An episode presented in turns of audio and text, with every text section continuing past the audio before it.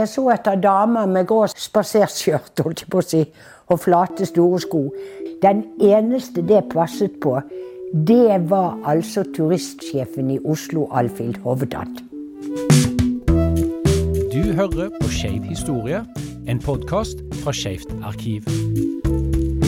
Mitt navn er Bjørn André Vidvei, og i dag så har jeg med meg historiker Runar Jordåen. Og eh, vi hørte Kim Friele her snakke om Alfhild Hovdan. Og hvem var denne dama, og hvorfor snakker vi om henne? Jo, eh, Alfhild Hovdan hun levde fra 1904 til 1982. Eh, og hun var journalist. Hun var redaktør, filmregissør. Kanskje til og med den første kvinnelige filmregissøren i Norge. Eh, hun var entertainer, og hun var vandrer. Og ikke minst så var hun da turistsjef i Oslo gjennom godt over 40 år. Og ikke minst så var hun en slags kjendis, da, en tidlig kjendis, som visste å promotere da hovedstaden og byen Oslo gjennom å bygge seg sjøl som en slags merkevare, da. Eh, og i tillegg så var hun altså, som vi hørte, da, eh, ei synlig lesbiske kvinne i ei tid da det var uvanlig. Hun var synlig for de som eh, kunne se etter disse signalene da, som, som, Kim Friele da så mm. levende forteller om. Og vi snakker jo ofte om, eh, som en sånn kort definisjon på skeiv historie, historien om de som har brutt samfunnets eh, normer og eh, forventa måter å være på. Alfhild Hovdan hun gjorde jo det på absolutt alle måter, litt sånn som du har beskrevet nå, men òg litt eh, hvordan hun da valgte å presentere seg sjøl mm, for verden. Mm, mm. Og Da er det jo gjerne klesstilen som er det mest påfallende, da. Eh, med, med, ofte med dress og slips og Uh, ja, du kan jo gjerne utfylle meg litt ja, på det. Altså, ja, altså kort hår ja. uh, og, og, litt uh, dette her som vi kanskje i dag kaller for butch-stil. ja. På en kvinne som jo da skilte seg veldig ut i den samtiden hun levde og virka i. Mm. hvor kom hun fra? Ja, altså Hun er faktisk født i Oslo, men hun vokste opp i Skien. I en middelklassefamilie. Uh, og hun var ei av de jentene, da, så ikke så veldig mange som gjorde dette på den tida, men hun, hun tok eksamen artium, altså gymnaset. Uh, og etter det så, så, ble hun lærer. Og da er vi altså på begynnelsen av 1920-tallet. Og etter å ha vært lærer i noen år, så begynte hun å jobbe som skrivende. Altså hun begynte å jobbe som journalist. Og hun studerte òg faktisk journalistikk en periode i, i Tyskland da, på 1920-tallet. Eh, og dette førte henne da til, etter hvert til Stockholm, der hun ble eh, journalist. Eh, hun var òg korrespondent for norske aviser i Stockholm. Så, så, på den måten så kom hun seg til Sverige, og Sverige kom òg til å bli et viktig land for henne videre. Mm. Men så gjorde hun seg jo ganske ganske bemerka eh, ganske tidlig i livet òg, mm. med mm. ting hun fant på, bl.a. en litt spesiell tur. Ja, ja, ja. Og dette er, da er vi i eh, ca. 1928, da. Eh, I 1928, da uh, det, står beskrevet en plass at du var ute på en rangel. Og dagen etterpå, så, og var, dagen etterpå denne rangelen, da, så så, eh, så, hadde hun vært ganske lei av jobben sin og den type ting. Og da hadde hun kommet på denne ideen om å, om å gå til Roma. Eh, så da satte hun i gang med det prosjektet. Og det skulle hun da etter hvert bli ganske berømt for.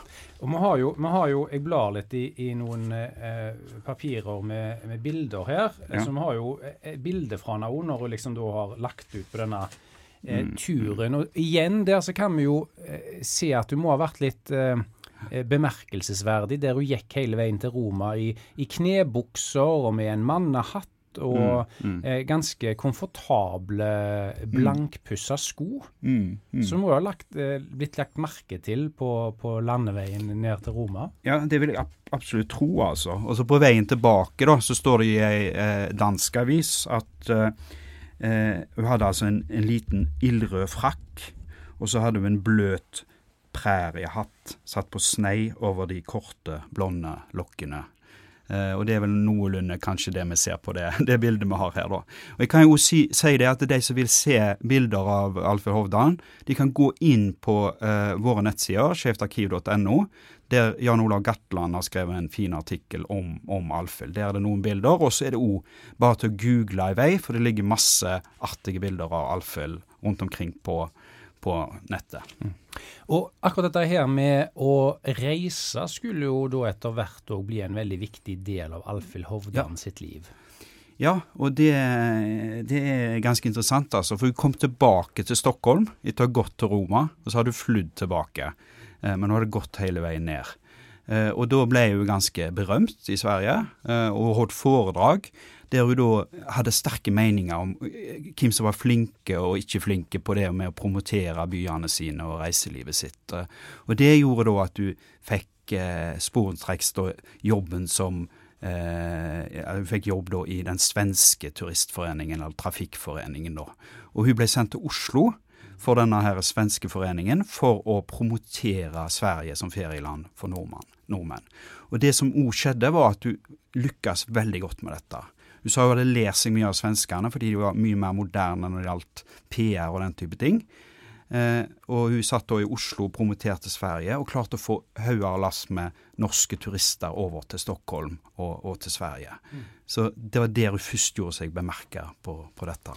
Men når hun var i Sverige, ja. så eh, var hun jo litt involvert i filmindustri òg. Mm. Jeg har jo et, et annet bilde her, eh, mm. hvor hun står sammen med Eh, Åse By. Mm. Eh, kjent norsk skuespiller, og mm. eh, en som heter Fridtjof Møen. Mm. Mjøen, unnskyld. Eh, fra en film som heter 'Min knappehullsblomst' fra 1933. Eh, og hvis vi bare sammenligner Åse By her, da, mm. så ser jo hun mer ut som en sånn tradisjonell eh, søt kvinne med hvit hatt på snei og en, en, en litt sånn stram topp som, som understreker hennes feminine kurver. Ja. Mens med pipa Eh, og eh, dress og slips, eh, og med sånn glatt, vannkjemma guttesveis, står Alfhild Hovdan på det samme bildet. Ja. Um, hun har liksom en sånn suveren posisjon der hun står, da. Så hun ut, uttrykker på en måte makt, da. Eller maskulin makt, på en måte. Ja. ja, ja. Og, og, og, dette er jo i 33. Ja. Og jeg tenker at dette kanskje vakte en viss form for oppsikt i Sverige. Men hvis vi mm. tenker litt bredere, og tenker f.eks. Eh, mm. Tyskland, mm. Berlin, mm. kanskje i 33, så ville ikke hun vakt så stor oppsikt med en sånn, og kledd seg sånn?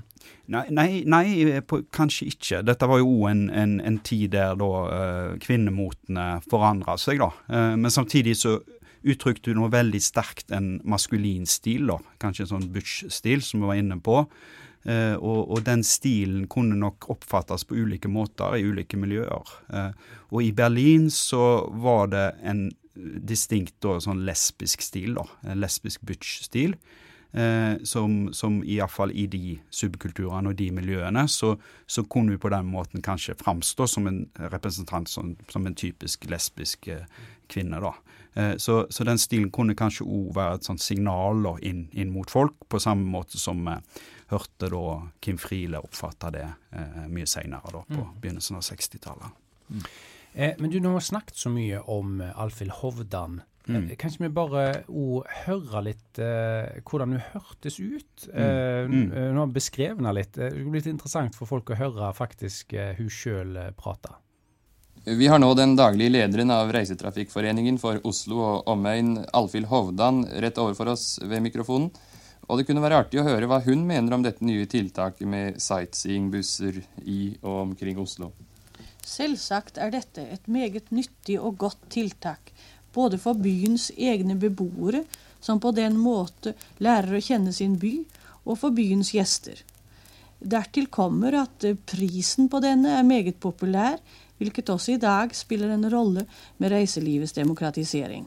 Eh, dette var et klipp fra et NRK-program som var ledet av en som heter Halvor Heggtun. Og Her eh, snakker vi om det som skulle òg bli en stor del av livet hennes, eh, nemlig det å være turistsjef i Oslo. Ja, og det, denne stillingen ble jo nesten headhunta til. da. Det var i, først i 1932 at du fikk en sekretærstilling for Reiselivsforeningen for Oslo og omegn. da.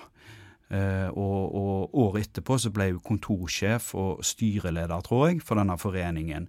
Eh, så fra, fra, det året, da, 1933 blir det vel, så var hun da Oslos turistsjef. Og den stillingen skulle hun da ha i faktisk 44 år, fram til 1976.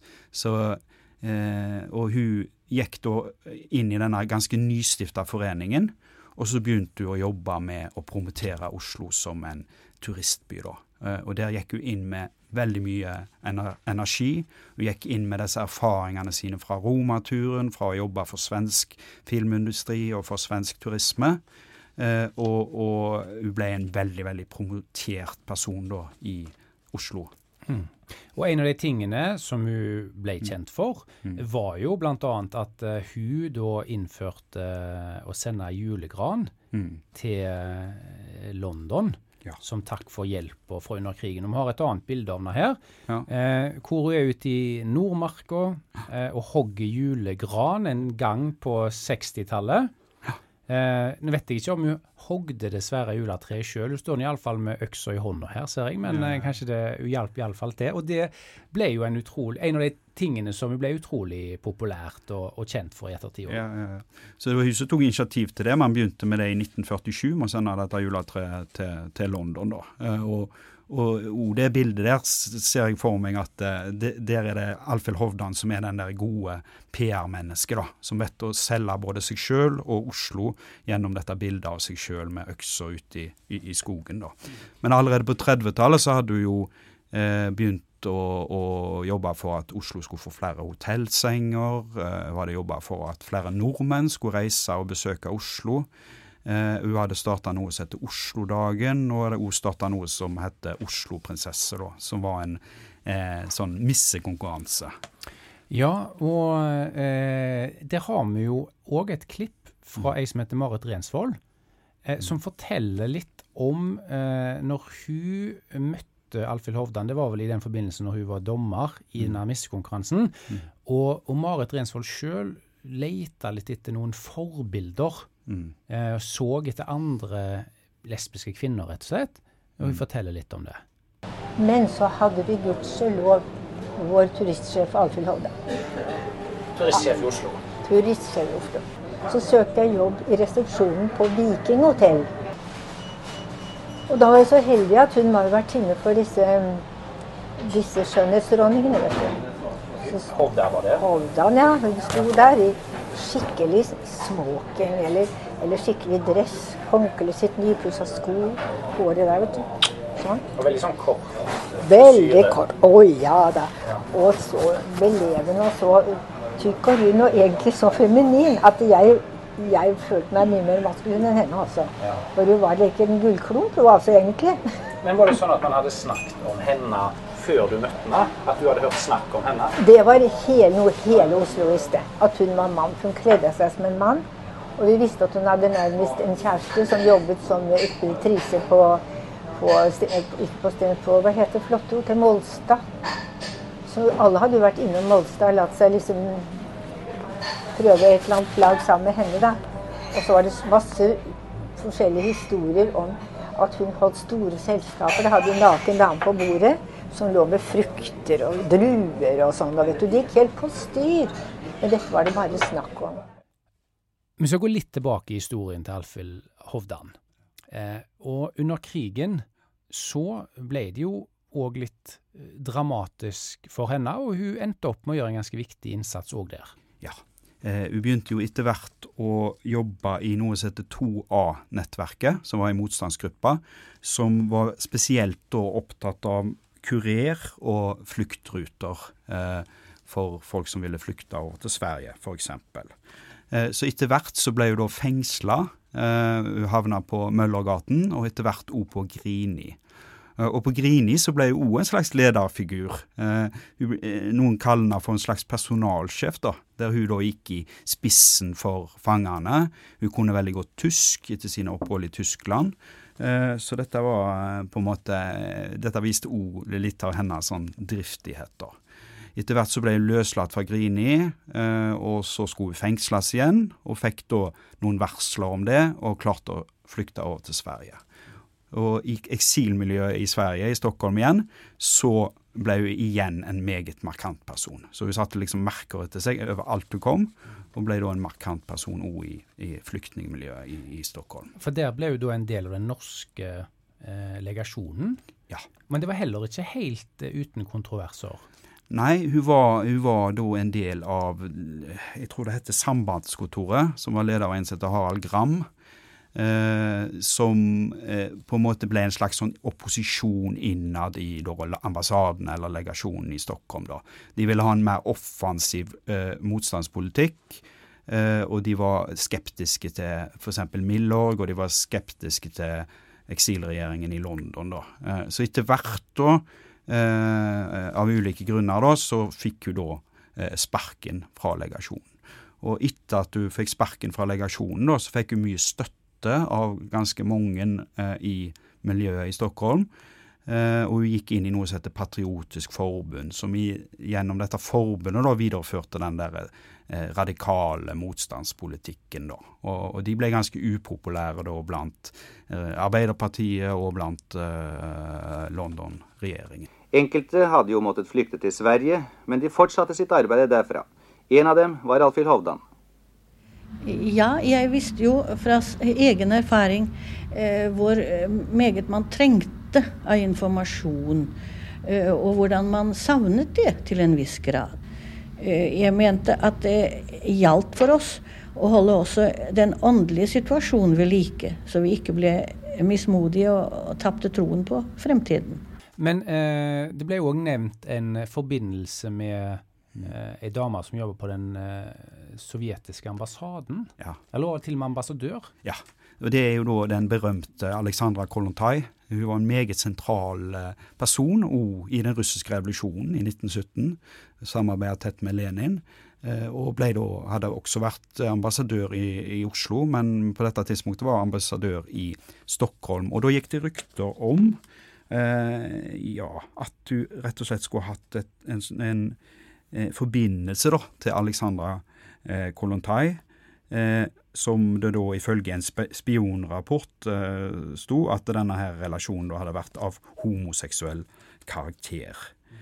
Eh, og Vi ser også eksempler på faktisk i Norge, i den nazidominerte pressen, da, i Aftenposten, der det er, blir brukt mot henne at hun var en moderne kvinne.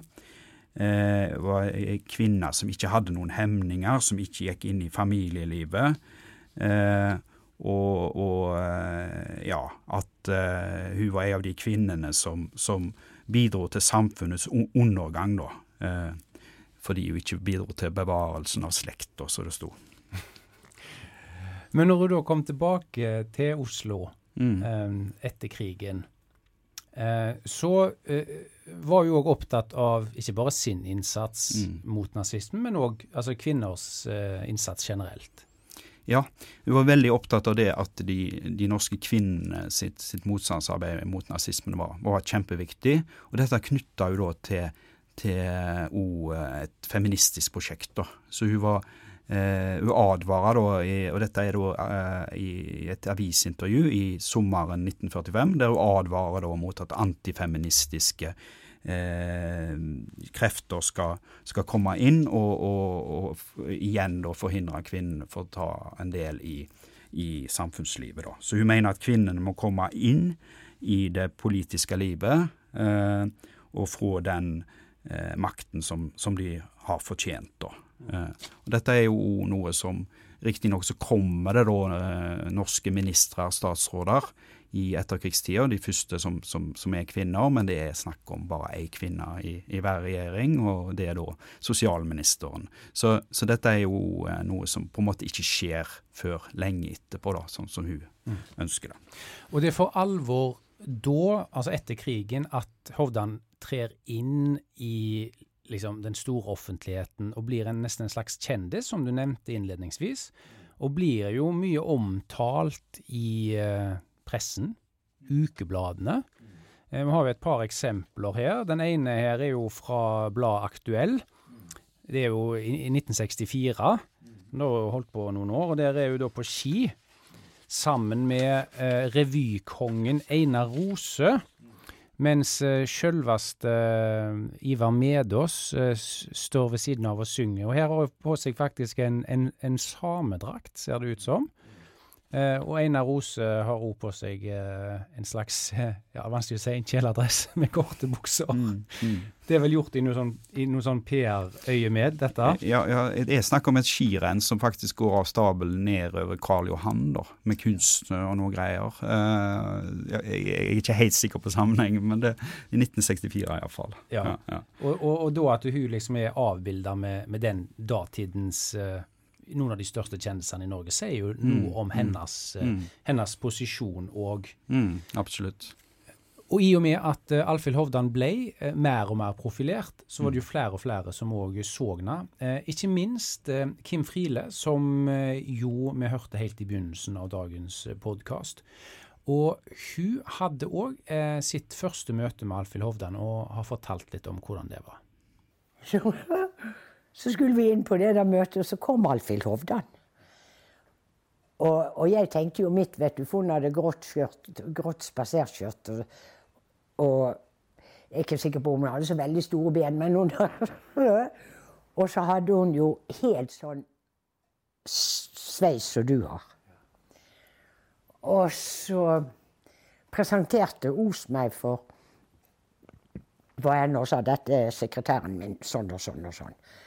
Og hun tok hånden min. Og ja, det gleder meg, sa hun og ristet. Og så, sier, så sier hun Ja, jeg ser det, Alfhild, sa han. Så, så, hun merket Altså hun så det på deg òg, tror du? Nei, jeg tror bare hun syntes jeg var søt. Ja.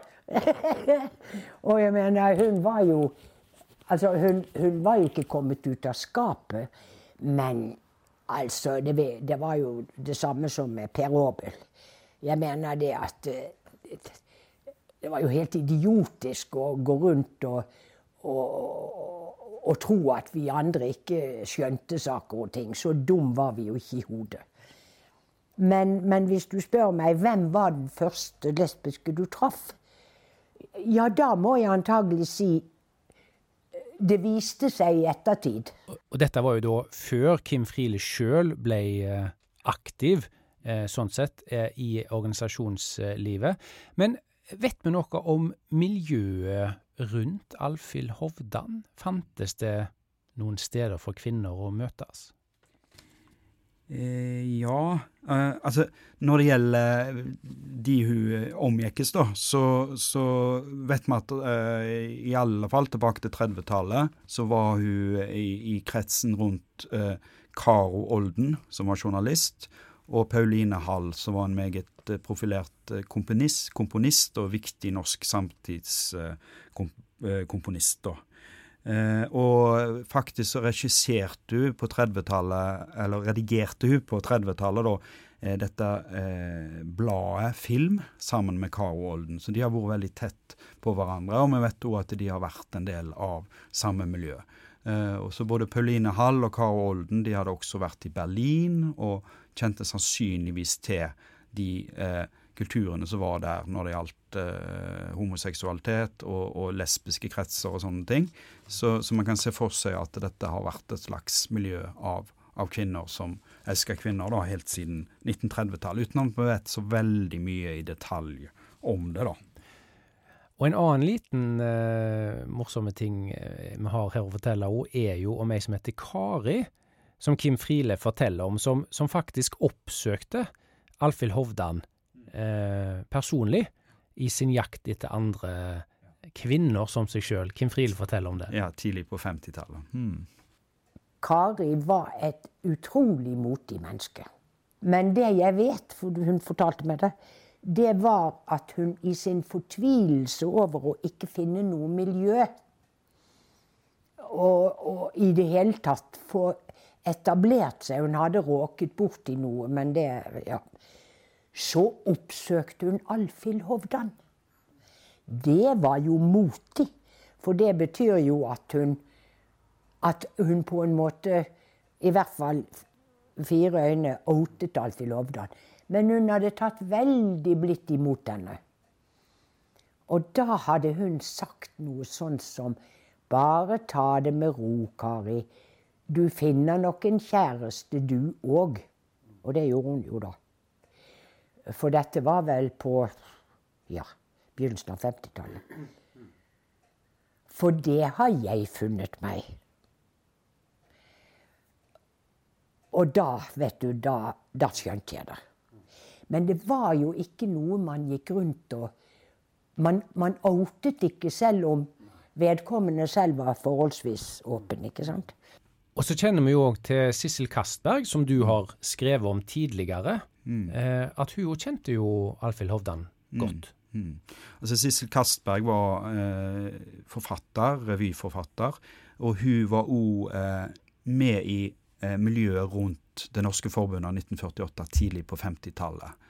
Eh, sannsynligvis så var hun medlem, og hun støtta opp om arbeidet, så hun var på en måte en del av det organiserte miljøet. Da. Det var ikke Alfhild Hovdan, eh, men hun kjente Sissel Kastberg. Så denne kretsen rundt eh, Alfhild Hovdan og den kretsen rundt den første organiserte homobevegelsen i Norge, de var på en måte overlappende. da. Så hun var liksom i utkanten kanskje da av dette miljøet, men hun tok ikke sjøl del i, i, det organiserte livet. Mm.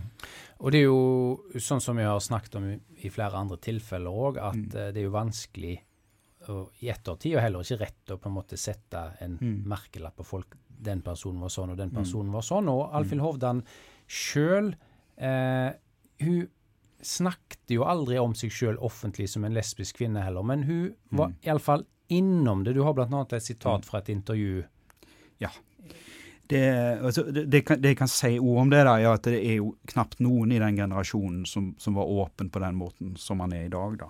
Men hun, eh, hun, levde jo kanskje i forhold til de aller aller fleste i Norge på den tida et, et slags åpent liv, da, slik eh, Kim Frilo sier. da.